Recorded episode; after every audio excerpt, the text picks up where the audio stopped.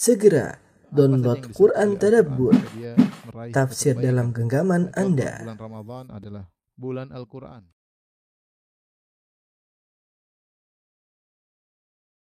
Bismillahirrahmanirrahim. Assalamualaikum warahmatullahi wabarakatuh. Alhamdulillahi ala ihsani wa syukru lahu ala taufiqihi wa amtinani wa asyhadu an la ilaha illallah wahdahu la syarika lahu ta'ziman li sya'nih wa asyhadu anna Muhammadan abduhu wa rasuluhu da'ila ridwani Allahumma salli alaihi wa ala alihi wa ashabihi wa ikhwani. Eh, para jamaah eh, majelis taklim Samara yang dirahmati oleh Subhanahu wa taala. Eh, pada kesempatan kali ini kita akan bahas salah satu eh, hal yang penting bagi kita yaitu karena di antara kita ada yang diberi kemudahan oleh Allah Subhanahu wa taala. Diberi kelebihan sehingga memiliki pekerja, memiliki pembantu, memiliki supir ya. Tentu mereka juga punya hak-hak yang harus kita tunaikan. Oleh karenanya pada kesempatan kali ini kita akan bahas tentang bagaimana akhlak yang tepat kepada mereka, orang-orang bawahan kita ya.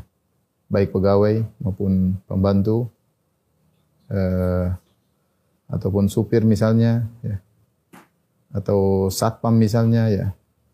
Bagaimana akhlak yang seharusnya kepada mereka. Karena sungguhnya sebagaimana kita ketahui Allah membuka pintu-pintu pahala dengan interaksi sama manusia ya.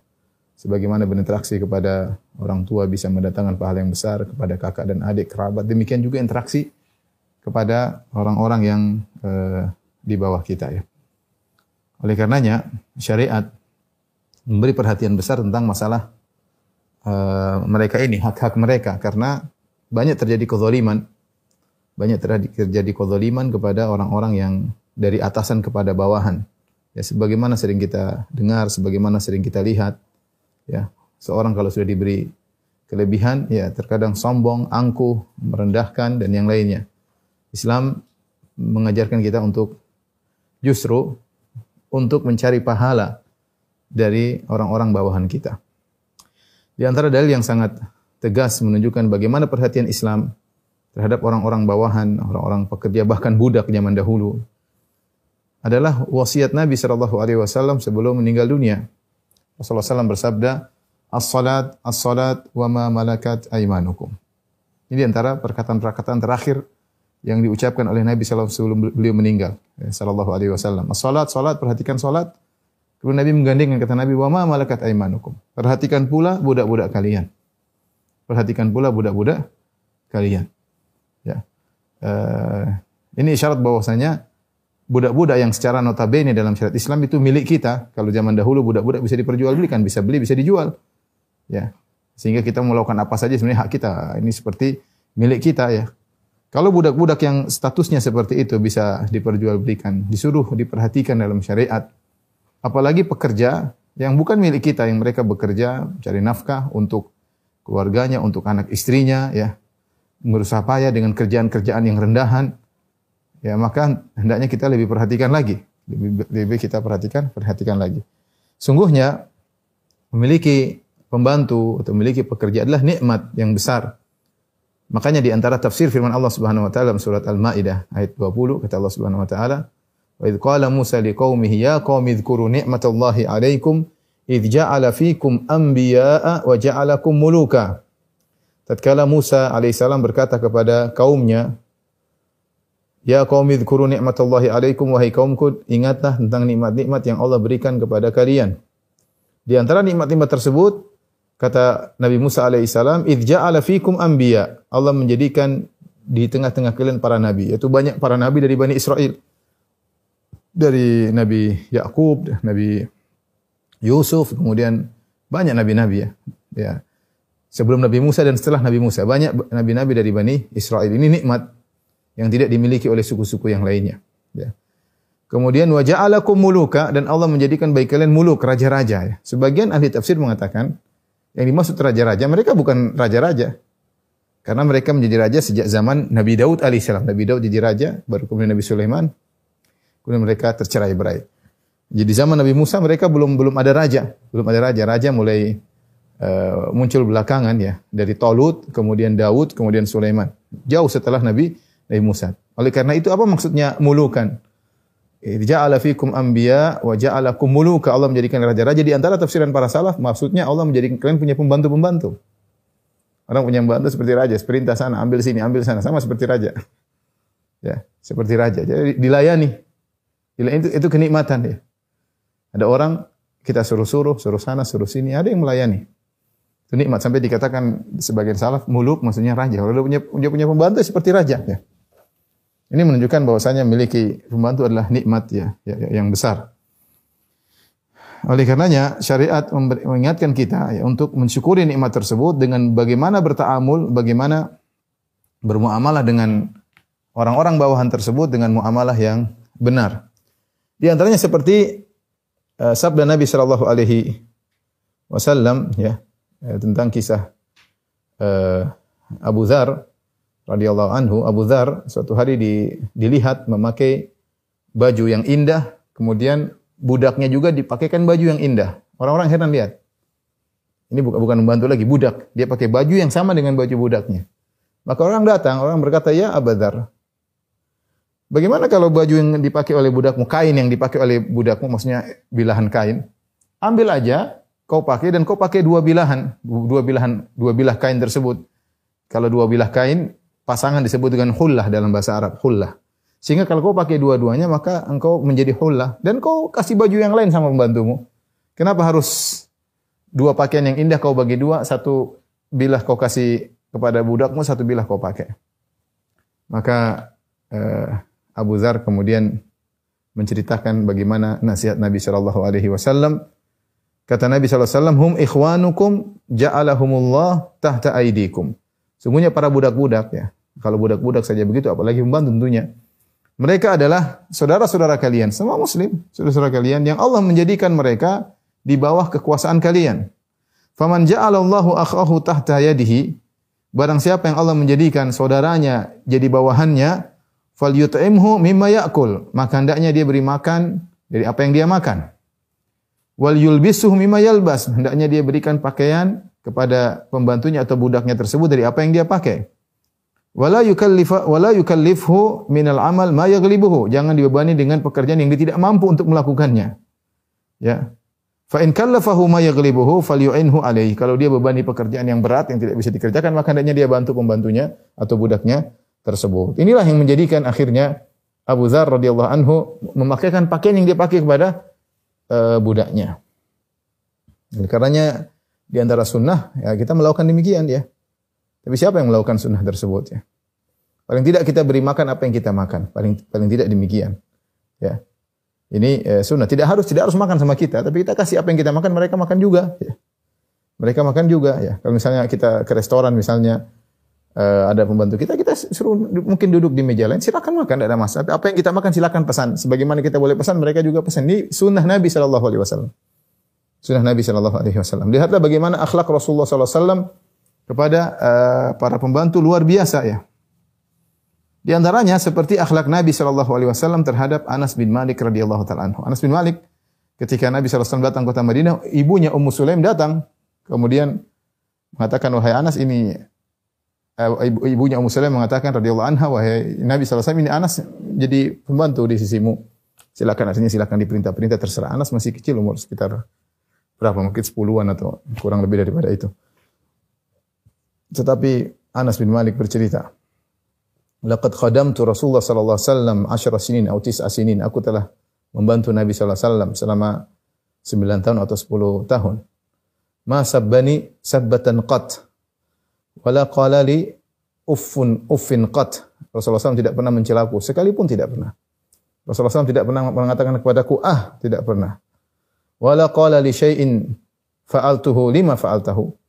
Dan tidak pernah dia mengomentari perbuatanku kalau aku melakukan satu dia Rasulullah tidak pernah berkata, "Kenapa kau melakukan demikian?" Wala li syai'in taraktuhu hal fa'altahu. Dan aku juga tidak pernah meninggalkan satu pekerjaan. Rasulullah lantas berkata, "Kenapa tidak mengerjakannya?" Tidak pernah. Ya, ini bukan cuma sehari, dua hari, bukan sebulan, dua bulan, sembilan tahun atau sepuluh tahun.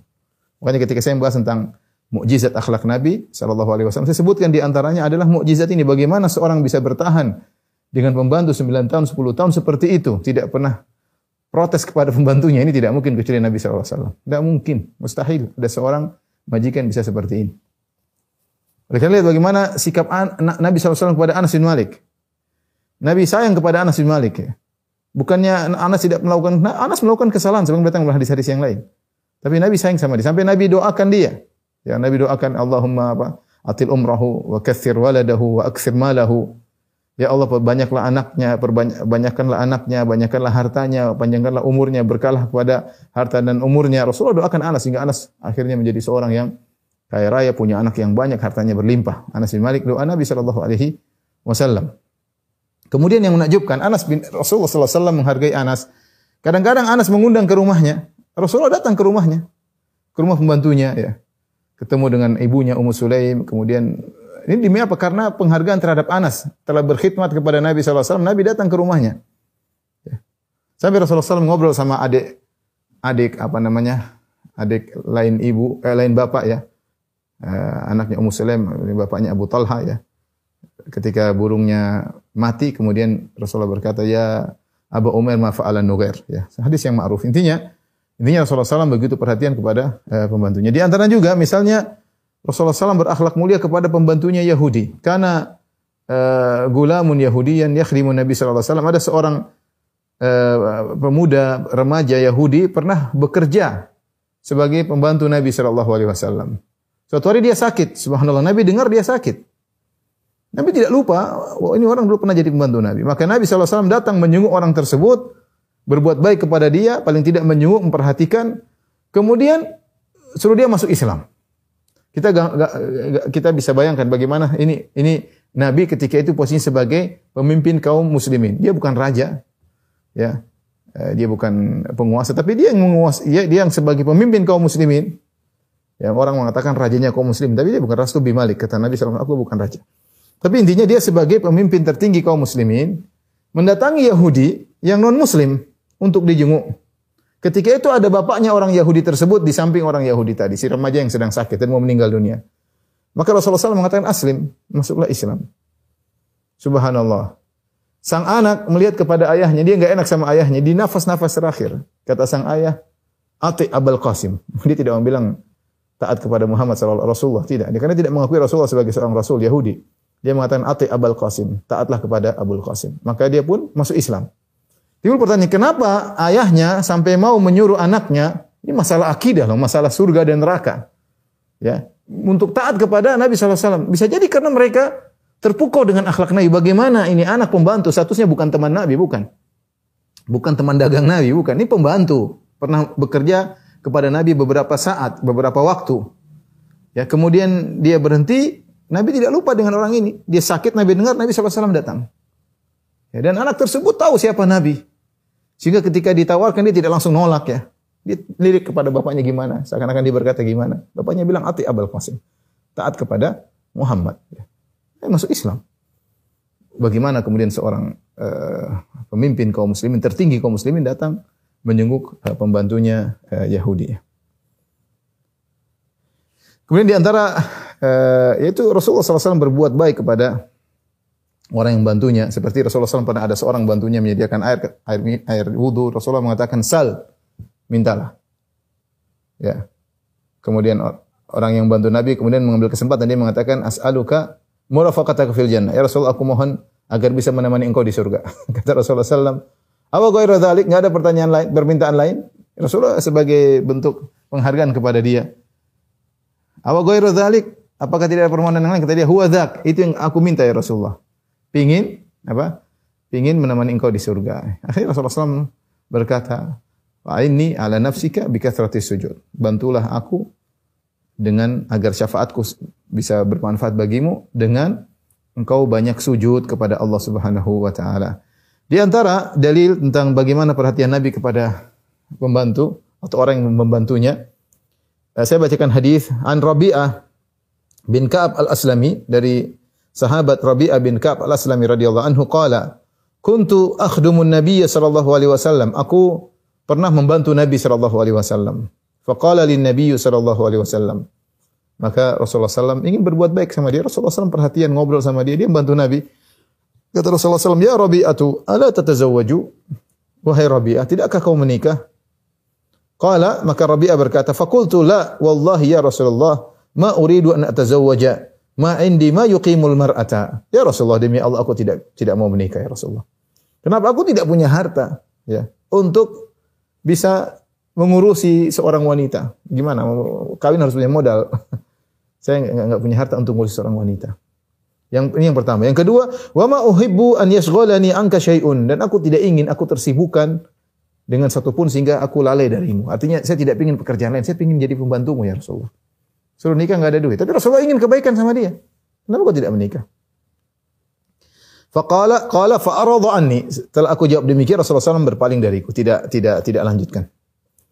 Kemudian beberapa waktu berjalan, thumma qala li ba'da dzalik. Setelah itu beberapa waktu Nabi bertanya lagi kepadaku. Ya Rabi'ah, Allah tatazawwaju? Ya Rabi'ah, tidakkah engkau menikah? Allah tatazawwaj? Kenapa kau tidak menikah? Qala fakultu La wallahi ya Rasulullah ma uridu an atazawwaja. Jawabanku sama. Kataku tidak ya Rasulullah, aku tidak menikah. Demi Allah ya Rasulullah, ma uridu an atazawwaj wa ma indi ma yuqimul mar'ah. Aku tidak ingin menikah. Aku tidak punya modal untuk membiayai seorang wanita. Wa ma uhibbu an yasghalani anka syai'un dan aku tidak ingin ada sesuatu menyibukkan aku sehingga tidak bisa berkhidmat kepada dirimu. Fa'arada anni, maka Nabi kemudian tidak bahas lagi. Subhanallah. Kata Rabi'ah, ya, bin Ka'ab al-Aslami, beliau berkata setelah itu, "Tsumma raja'tu nafsi." Kemudian aku apa uh, memikirkan dalam diriku. Fakultu aku berkata, "Wallahi ya Rasulullah, anta a'lamu bima yuslihuni fid dunya wal akhirah." Demi Allah Rasulullah lebih tahu apa yang bisa memperbaikiku di dunia lebih baik bagi diriku di dunia maupun di akhirat. Rasulullah sudah tawarkan dua kali. Wa ana aqulu fi nafsi dan aku berkata dalam diriku, la in qala li thalithata la aqulanna na'am. Seandainya Rasulullah SAW menawarkan ketiga kali, ngomong lagi sekali, tidakkah kau menikah? Aku akan bilang iya, saya nikah ya Rasulullah. Saya tunggu Rasulullah ngomong sampai tiga kali. Ternyata benar Rasulullah SAW menawarin lagi. Faqala li thalithata. Rasulullah berkata yang ketiga kali, Ya Rabi'ah, ala tatazawwaju? Ya Rabi'ah, tidakkah kau menikah? Faqultu bala ya Rasulullah. Tentu ya Rasulullah saya mau menikah. Murni bima syi'ta au bima ahbabta. Perintahkanlah kepadaku apa yang kau sukai, yang kau kehendaki. Rasulullah ingin bantu dia. Kata Rasulullah SAW, intalik ila ali fulan, pergilah engkau ke keluarga fulan, ila hayyin minal ansar, ada suatu kampung dari kaum ansar, fihim tarakhi an Rasulullah sallallahu alaihi wasallam, faqul lahum, inna Rasulullah sallallahu alaihi wasallam yukri'ukum salam, assalam, wa ya'murukum an tuzawwiju rabi'ata fulanatan imra'atan minhum. Sampaikan kepada mereka, Sampaikan kepada mereka. Ini saya sungguhnya Rasulullah SAW mengirim salam buat kalian dan menyuruh kalian untuk menikahkan Rabi'ah itu menikahkan kamu dengan wanita yang ada pada mereka. Imra'atan minhum. Tidak punya modal. Rasul ingin memuliakan orang ini. Maka orang ini pun datang Rabi'ah bin Ka'ab al-Islami. Dia jalankan perintah Nabi. Fa'ataituhum. Aku pun datang kepada mereka. Fakultu lahum dhalik. Lalu aku katakan kepada mereka. Sungguhnya Rasulullah memerintahkan kalian untuk menikahkan aku dengan si fulana. Ditunjuk si fulananya. Subhanallah. Kalau bilang yang suruh Nabi ya para sahabat semangat lah. Kalau yang suruh orang lain mungkin mungkin ditolak, paling nggak punya model pembantu ya. Tapi yang suruh Nabi Shallallahu Alaihi Wasallam, maka mereka dengan gembira mengatakan ini yang menyuruh Nabi, marhaban bi Rasulillah wa bi Rasuli Rasulillah. Selamat datang kepada Rasulullah dan kepada utusannya Rasulullah. Wallahi la yarji'u Rasul Rasulillah illa bihajatihi. Tidak mungkin demi Allah utusan Nabi balik tanpa mendapatkan hajatnya. Dinikahkan akhirnya. Qala fa akramuni wa zawwajuni wa altafuni. Mereka pun muliakan aku, mereka menikahkan aku dan mereka berbuat lembut kepadaku. Hadis riwayat Ahmad uh, dan Al-Hakim. Lihat ini bagaimana Rasulullah perhatian sama membantunya sampai Rasulullah SAW suruh nikah dengan atas nama dia. Ya. Ini akhlak yang diajarkan oleh Islam terhadap bagaimana terhadap membantu. Taib ikhwan dan akhwat yang dirahmati Allah Subhanahu wa taala, eh, Majelis Taklim Samara atau Majelis Samara Taklim yang dirahmati Allah Subhanahu wa taala, ada beberapa dhawabit atau kaidah-kaidah penting atau hal-hal yang penting untuk kita ketahui dalam bermuamalah eh, terhadap pembantu ya. Taib.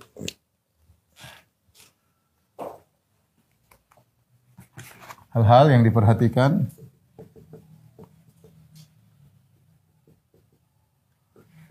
dalam bermuamalah dengan bawahan.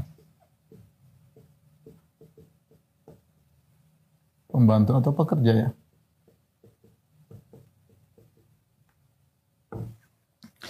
Di antaranya, ikhwan yang rahmatillah subhanahu wa ta'ala, ya.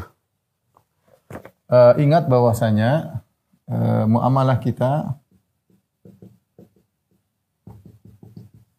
harus dibangun di atas rahmat. Rahmat itu kasih sayang.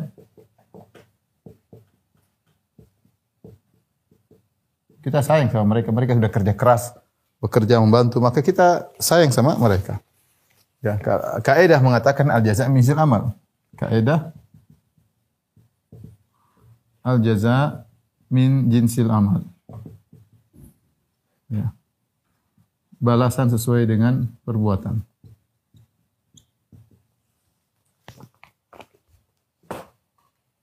Sesuai perbuatan. Eh, kalau kita merahmati orang yang yang yang, yang lemah, pembantu atau supir atau bawahan bekerja, pekerja kasar, maka kita akan dirahmati oleh Allah Subhanahu wa taala. Kata Nabi sallallahu alaihi wasallam, "Irhamu man fil ard yarhamkum man fis sama." Kata Nabi, rahmatilah, sayangilah yang ada di bumi, niscaya yang di langit akan sayang kepada kalian. Kita kasih sayang agar kita disayang. Ada kesempatan bagi kita untuk mencari pahala dari dengan bermuamalah dengan mereka. Caranya gimana? Rahmati mereka, sayang mereka, lembut kepada mereka. Ya, ya bukan bukan bermuamalah seperti orang sombong terhadap uh, orang terhina, enggak. Ya, kita rahmati mereka. Kata Nabi sallallahu alaihi wasallam, "Man la yarham la yurham." Man la yarham la yurham. Siapa yang tidak sayang, tidak siapa yang tidak menyayangi, la yarham la yurham. Siapa yang tidak menyayangi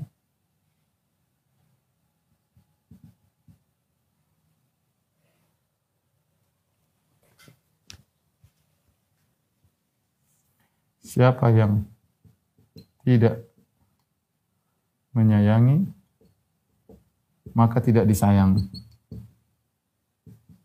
Tidak disayang Allah tentunya. Ya. Jadi kita disuruh bermuamalah dengan mereka dengan uh, rahmat ya, rahmat. Nah, kalau orang bermuamalah dengan rahmat tentunya tanpa kesombongan, ya.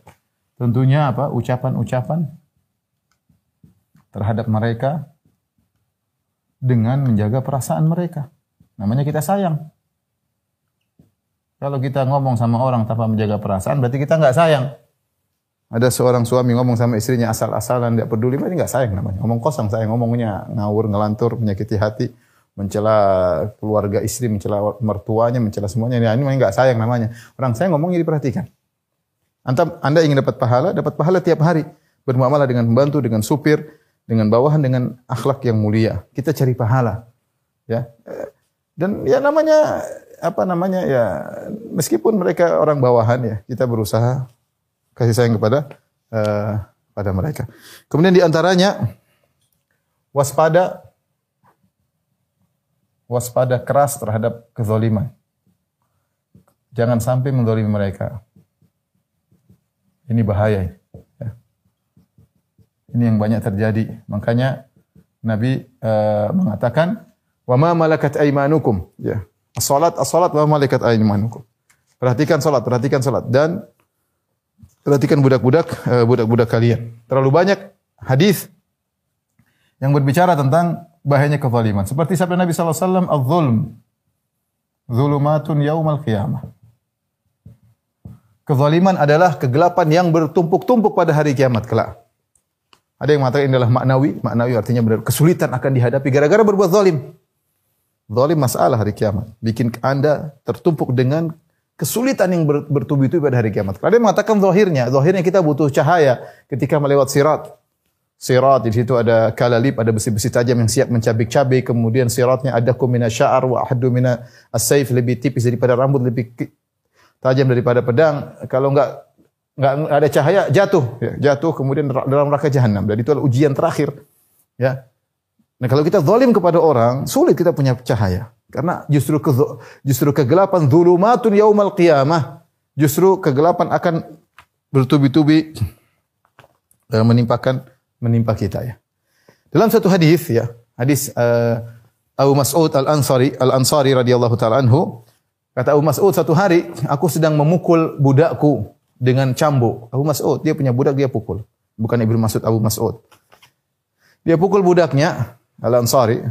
Uh, kemudian Rasulullah SAW berteriak, Ya Abu Mas'ud, Ya Abu Mas'ud. Abu Mas'ud tidak begitu mendengar, dia sedang sibuk mukul pembantunya. Tiba-tiba dia lihat Rasulullah Sallallahu Alaihi Wasallam. Maka Rasulullah SAW berkata, I'lam ya Abu Mas'ud. Inna Allah aqdara, aqdaru alaika minka ala hadha al-gulam. Wahai Ibnu Mas'ud, hati-hati, ingatlah. Allah lebih mampu untuk menyiksamu daripada kau menyiksa budak ini. Maka Abu Mas'ud langsung membebaskan budak tersebut. Karena Allah subhanahu wa ta'ala. Takut dia. Takut. Kita sih gampang sekarang mukul bawahan. Yang atasan mukul bawahan. Mungkin jabatannya tinggi, maki-maki bawahan. Ya, mukul dengan tangan, mukul dengan lisan. ya. Tapi Allah akdar. Allah lebih mampu untuk balas engkau pada hari kiamat. Jangankan manusia, kita sering sampaikan, hewan saja ada akan dibalas oleh Allah pada hari kiamat. Ya. La tu'addunnal huquqa ila ahli yaumal qiyamah hatta yuqada li syatil jalha min syatil qarna.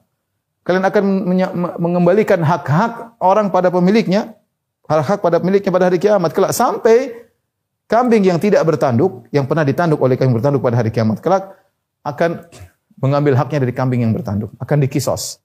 Suatu hari Nabi SAW berjalan dengan Abu Dhar, tiba-tiba ada dua kambing saling menanduk di antara mereka. Kata Rasulullah SAW, Ya Abu Dhar, ya, lima tantatihan. Wahai Abu Dhar, kenapa dua kambing itu saling tanduk menanduk? Kata Abu Dhar, Allah alam. Allah yang lebih tahu. Saya tidak tahu ya Rasulullah.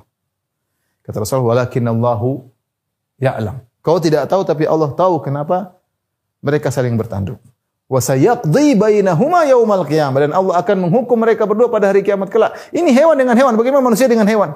Bagaimana lagi manusia dengan manusia? Manusia dengan manusia. Perkaranya tidak sepele. Kita akan di apa namanya? Uh, dibangkitkan oleh Allah pada hari uh, kiamat kelak. Hadis yang masyhur. Atadruna manil muflis? Tahukah kalian siapa orang yang bangkrut? Al-muflisu fina man la dinar wala dirham wala mata. Orang bangkrut itu yang dinarnya habis, duitnya habis, dirhamnya habis, asetnya habis.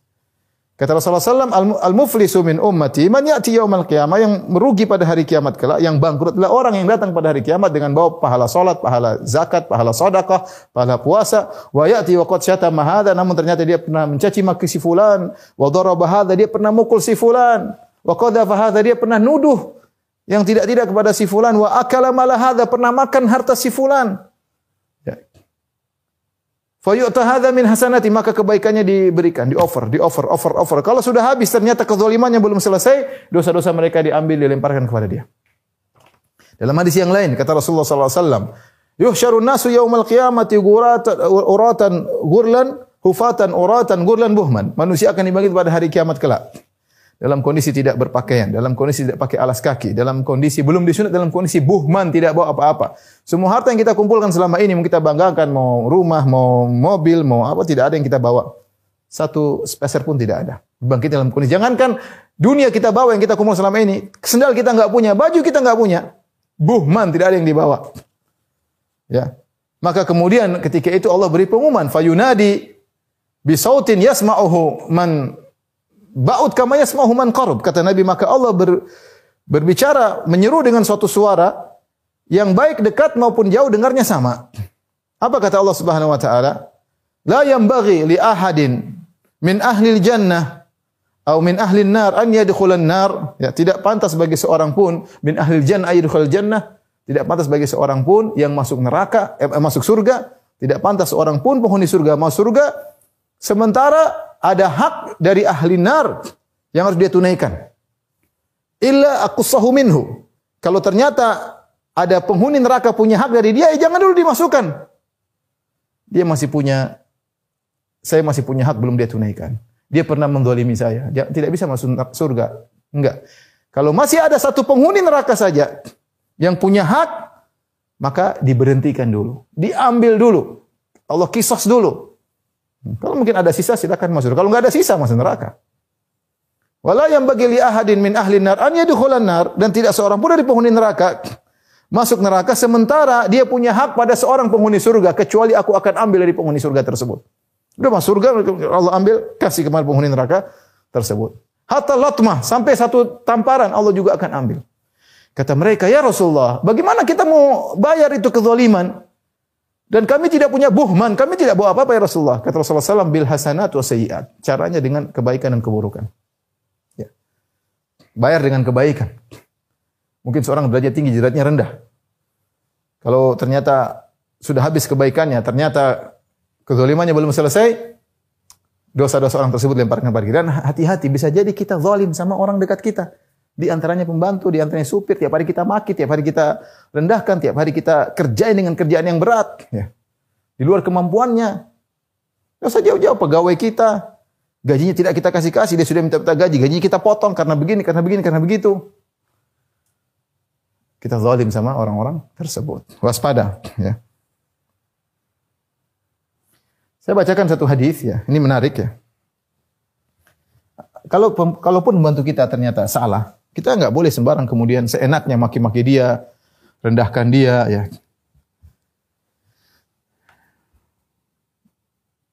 Karena semuanya ada kisosnya, ya. An Aisyah radhiyallahu taala anha dari Aisyah radhiyallahu taala anha, anna rajulan qa'ada baina yaday Nabi sallallahu alaihi wasallam. Ada seorang lelaki duduk di depan Nabi sallallahu alaihi wasallam. Faqala kemudian berkata, "Ya Rasulullah, ya Rasulullah, inna li mamlukaini yukadzibunani wa yakhununani wa ya'sunani." Ya Rasulullah, saya punya dua budak selalu mendusta bohong sama saya. Suka bohong sama saya, suka berkhianat kepada saya dan membangkang. Ini budak kurang ajar dua ini ya Rasulullah. Dua budak ini sering dusta sama saya. Budak milik dia. Budak ini sering dusta sama saya. Dua budak ini sering mengkhianat saya, menjengkelkan budak ini. Kemudian apa lagi? Membangkang. Ini budak membangkang percuma budak ini membangkang. Tapi kata dia, wa ashtumuhum wa adribuhum. Kemudian saya maki mereka, saya pukul mereka. Fakaifa ana minhum? Ya Rasulullah, dia merasa bersalah ya. Tapi budaknya menjengkelkan seakan-akan pantas untuk dihajar, pantas untuk dipukul, pantas untuk dimaki. Memang karena dusta, apa yang kurang? Dusta, khianat, ya, pembangkang. Terkumpul tiga keburukan pada dua pembantu ini. Dusta, khianat, pembangkang. Tapi orang ini ternyata dia maki dan dia mukul. Fakaifa ana minhum? Bagaimana saya di, terhadap mereka ya Rasulullah? Kata Rasulullah SAW, yuhsabu ma khanuka wa asauka wa kadzabuka wa iqabuka iyahum. Ya. Fa in kana iqabuka wa iyahum biqadri dhunubihim kana kafafan. Semuanya dihisap kata Nabi SAW. Mereka berkhianat kepadamu akan dihisap. Mereka membangkang kepadamu akan dihisap. Ada hitungannya.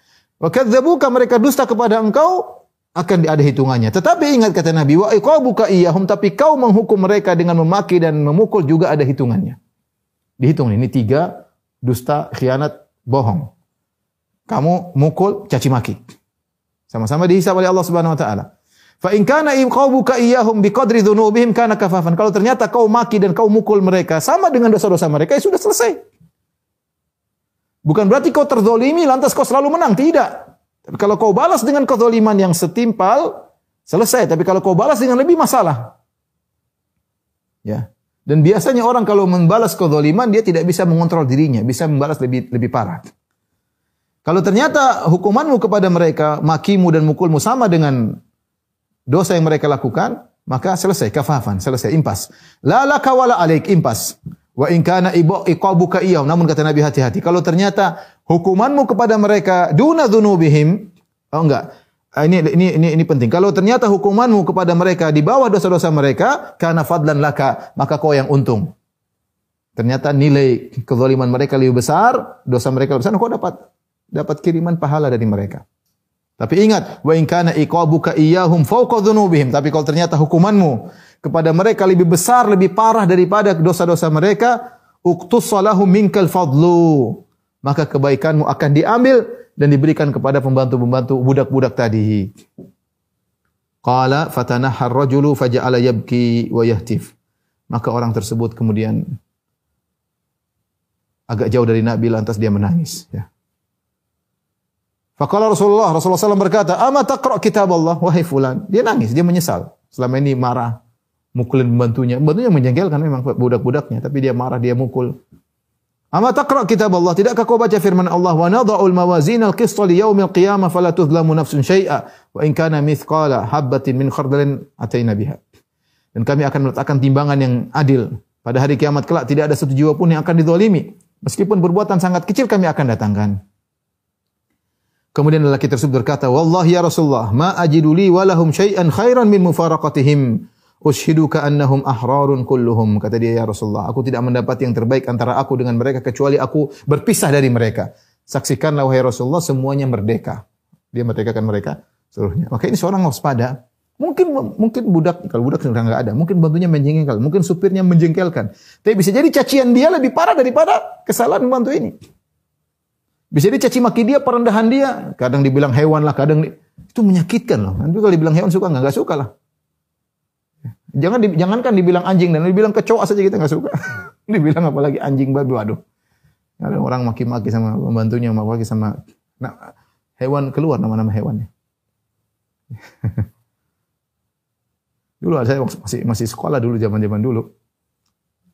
Ada seorang guru, ini masa lalu ya. Ada orang seorang guru kalau kalau sudah marah dia bilang hewan nama-nama hewannya. Tapi yang lucu dia tidak bilang anjing babi aja, dia bilang ente jerapah, kamu jerapah, kamu ini sering kita gelari guru ini guru kebun binatang. Ya kalau udah masuk udah marah dia pasti bilang nama-nama hewan. Tapi macam-macam yang disebutkan bukan cuma babi dan anjing, ada sapi, ada wali waliyadzubillah ya. Bukan orang muslim tadi. Ya. Tapi intinya hati-hati. Kita dibilang sama bilang sama seorang kita dibilang apa namanya uh, hewan tentunya sakit hati. Bisa jadi kesalahan dia kecil dibandingkan makian kita terhadap uh, pembantu uh, tersebut. Maka waspada, semuanya ada hitungannya. Bukan berarti kalau uh, pembantu, supir, pegawai salah, bukan berarti kita seenaknya balas. Ada hisapnya. Kalau ternyata balasan kita lebih parah daripada dia, repot. Repot. Kita akan kebaikan kita akan diambil olehnya. Tapi yang berikutnya yang harus kita perhatikan harus banyak memaafkan.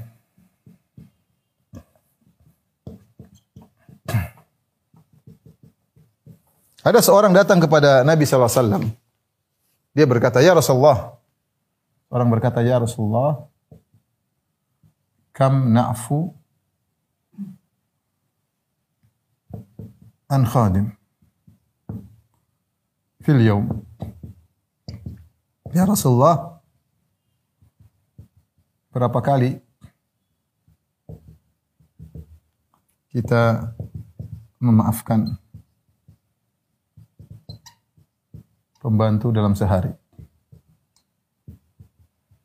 Sebenarnya dalam sebagian riwayat Rasulullah SAW tidak jawab. Rasulullah tidak jawab. Dia tanya lagi, ya Rasulullah berapa kali kita ampuni, maafkan pembantu? Ada yang mengatakan Rasulullah SAW tidak jawab. Ada kemungkinan Rasulullah SAW menunggu wahyu. Karena pertanyaan berapa kali ini butuh wahyu. Rasulullah tunggu wahyu dari Jibril alaihissalam. Ada yang mengatakan Rasulullah berpaling karena ini pertanyaan tidak pantas. Memaafkan itu bagus. Kenapa perlu ditanya? Semakin banyak semakin baik. Tapi tanya lagi berapa kali ya Rasulullah? Rasulullah mengatakan sabi'ina marrah. Kata Rasulullah SAW, sabi'ina marrah. 70 kali dalam sehari. Siapa yang kuat menjalankan ini? Ya, apa maafkan pembantu 70 kali. Ada orang, e, ini pembantu salah melulu, salah melulu. Gimana sih masa nggak paham-paham? Ya akhi, kalau dia paham dia tidak jadi pembantu, dia jadi bos. Ente jadi bos, dia nggak paham, makanya jadi pembantu. Maka jadi kerja kasar. Ente mau jadi kerja kasar lulusan apa namanya S2 S3? Enggak lah. Makanya dijelasin baik-baik. Dia nggak paham ya wajar. Ada pembantu Masya Allah ngerti semua segala sini. Ya, dia pengalaman kerja masak ini pintar dikasih tahu sekali ngerti. Ada yang dikasih tahu berulang nggak ngerti-ngerti. Dia mau diapain? Makanya jadi pembantu. Ya, terus tugas kita kita maafkan. Maafkan, maafkan. Berapa kali? 70 kali. Berat 70 kali. Kita bukan bukan maafkan 70 kali, ngomel 70 kali dalam sehari. ngomel. Ngomel sana, ngomel sini, teriak sana, teriak sana. Oleh karenanya eh, apa namanya? Ini menjadi perhatian bagi kita. Orang yang paling utama kita maaf orang dekat kita yang telah berkhidmat kepada kita, bekerja, ini bantu sana, bantu kita maafkan ya. Bukan maafkan berarti kita biarin saja, enggak, kita sambil tegur, nasihati tapi dengan nasihat yang mendidik, membangun. Terkadang kita mungkin agak marah tapi bukan bukan apa, bukan emosi tapi mendidik dia supaya dia tidak berulang. Tidak apa-apa. Tujuan kita baik, kita muamalah dengan mereka dengan rahmat dengan kasih sayang tadi. Kalau Anda, saya kan bilang tadi, kita bermuamalah dengan bantu, kita ingin cari pahala. Apalagi kita tiap hari ketemu mereka, tiap hari ketemu supir, tiap hari ketemu pegawai, kita ingin cari pahala dari mereka.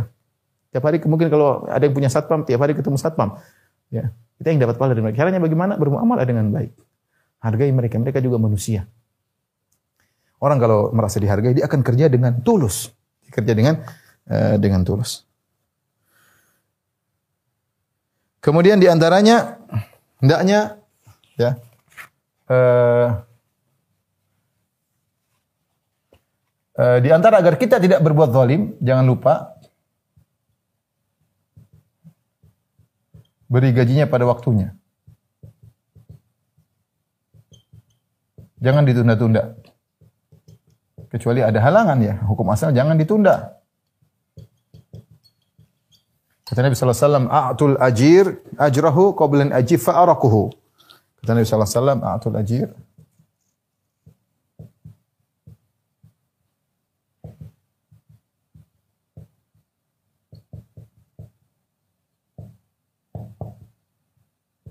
berikan pada pekerja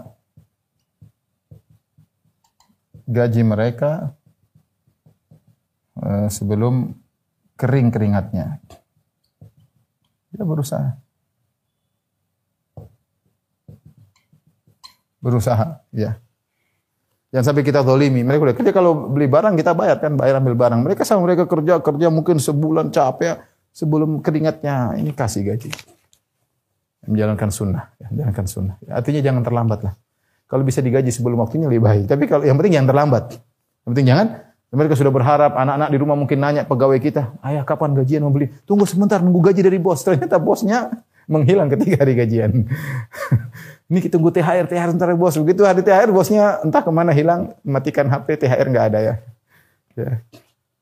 Bahkan Allah mengancam, kata Allah dalam dalam hadis qudsi, satun ana khosmuhum yaumal qiyamah. Tiga orang yang aku akan menjadi musuh mereka pada hari kiamat.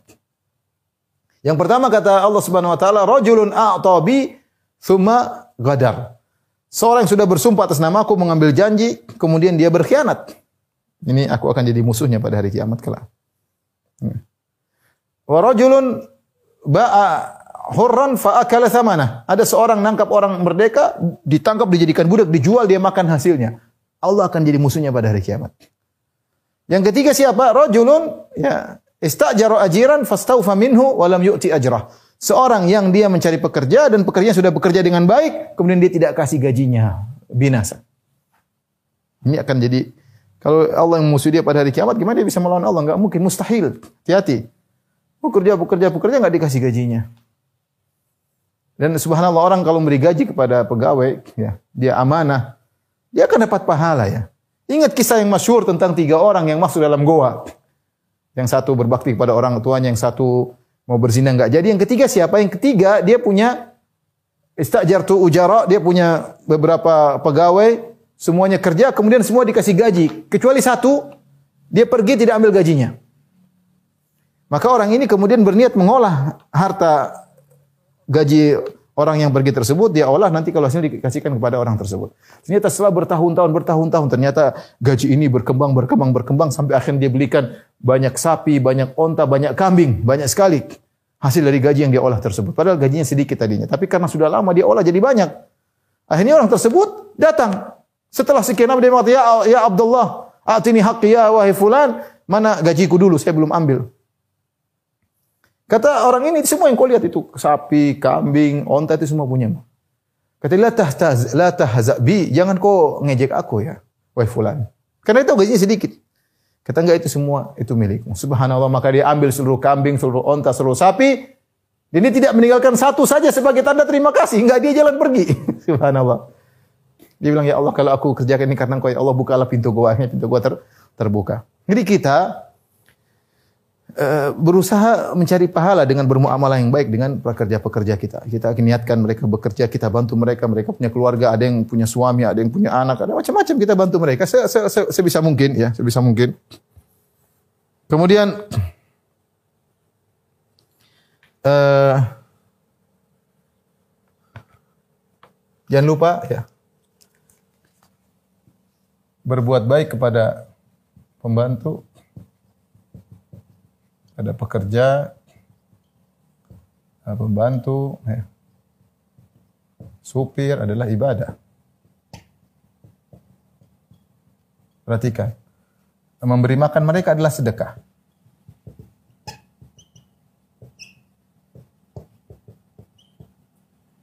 Pada mereka adalah sedekah. Jangan sebagian orang semangat sedekah orang-orang jauh. Membantu dia tidak dia pelit sama pembantunya. Semua orang ketemu orang kasihan kasih duit. Semua pembantunya nggak pernah dikasihani, nggak pernah dikasih, nggak pernah dikasih duit. Ya akhi, jangan kita kasih makan mereka itu sedekah. Dan mereka orang lebih utama untuk kita baiki. Mereka berbuat baik kepada kita banyak. Dalam hadis Rasulullah SAW menyebutkan, kau beri makan kepada istrimu, kau beri makan pada dirimu sedekah, kau beri makan kepada keluargamu sedekah, kau beri makan kepada pembantumu sedekah. Uh, kemudian yang yang terakhir dalam bermuamalah uh, dengan pembantu ya jangan teledor. Jangan teledor ya. Jangan membuka membuka pintu keburukan bagi mereka.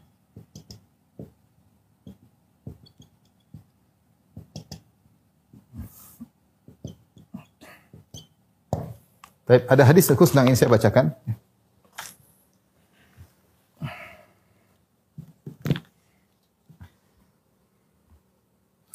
Di antara cara kita bermuamalah dengan pekerja, dengan bawahan, pegawai, pembantu, supir dan yang lainnya itu kita jangan jangan teledor.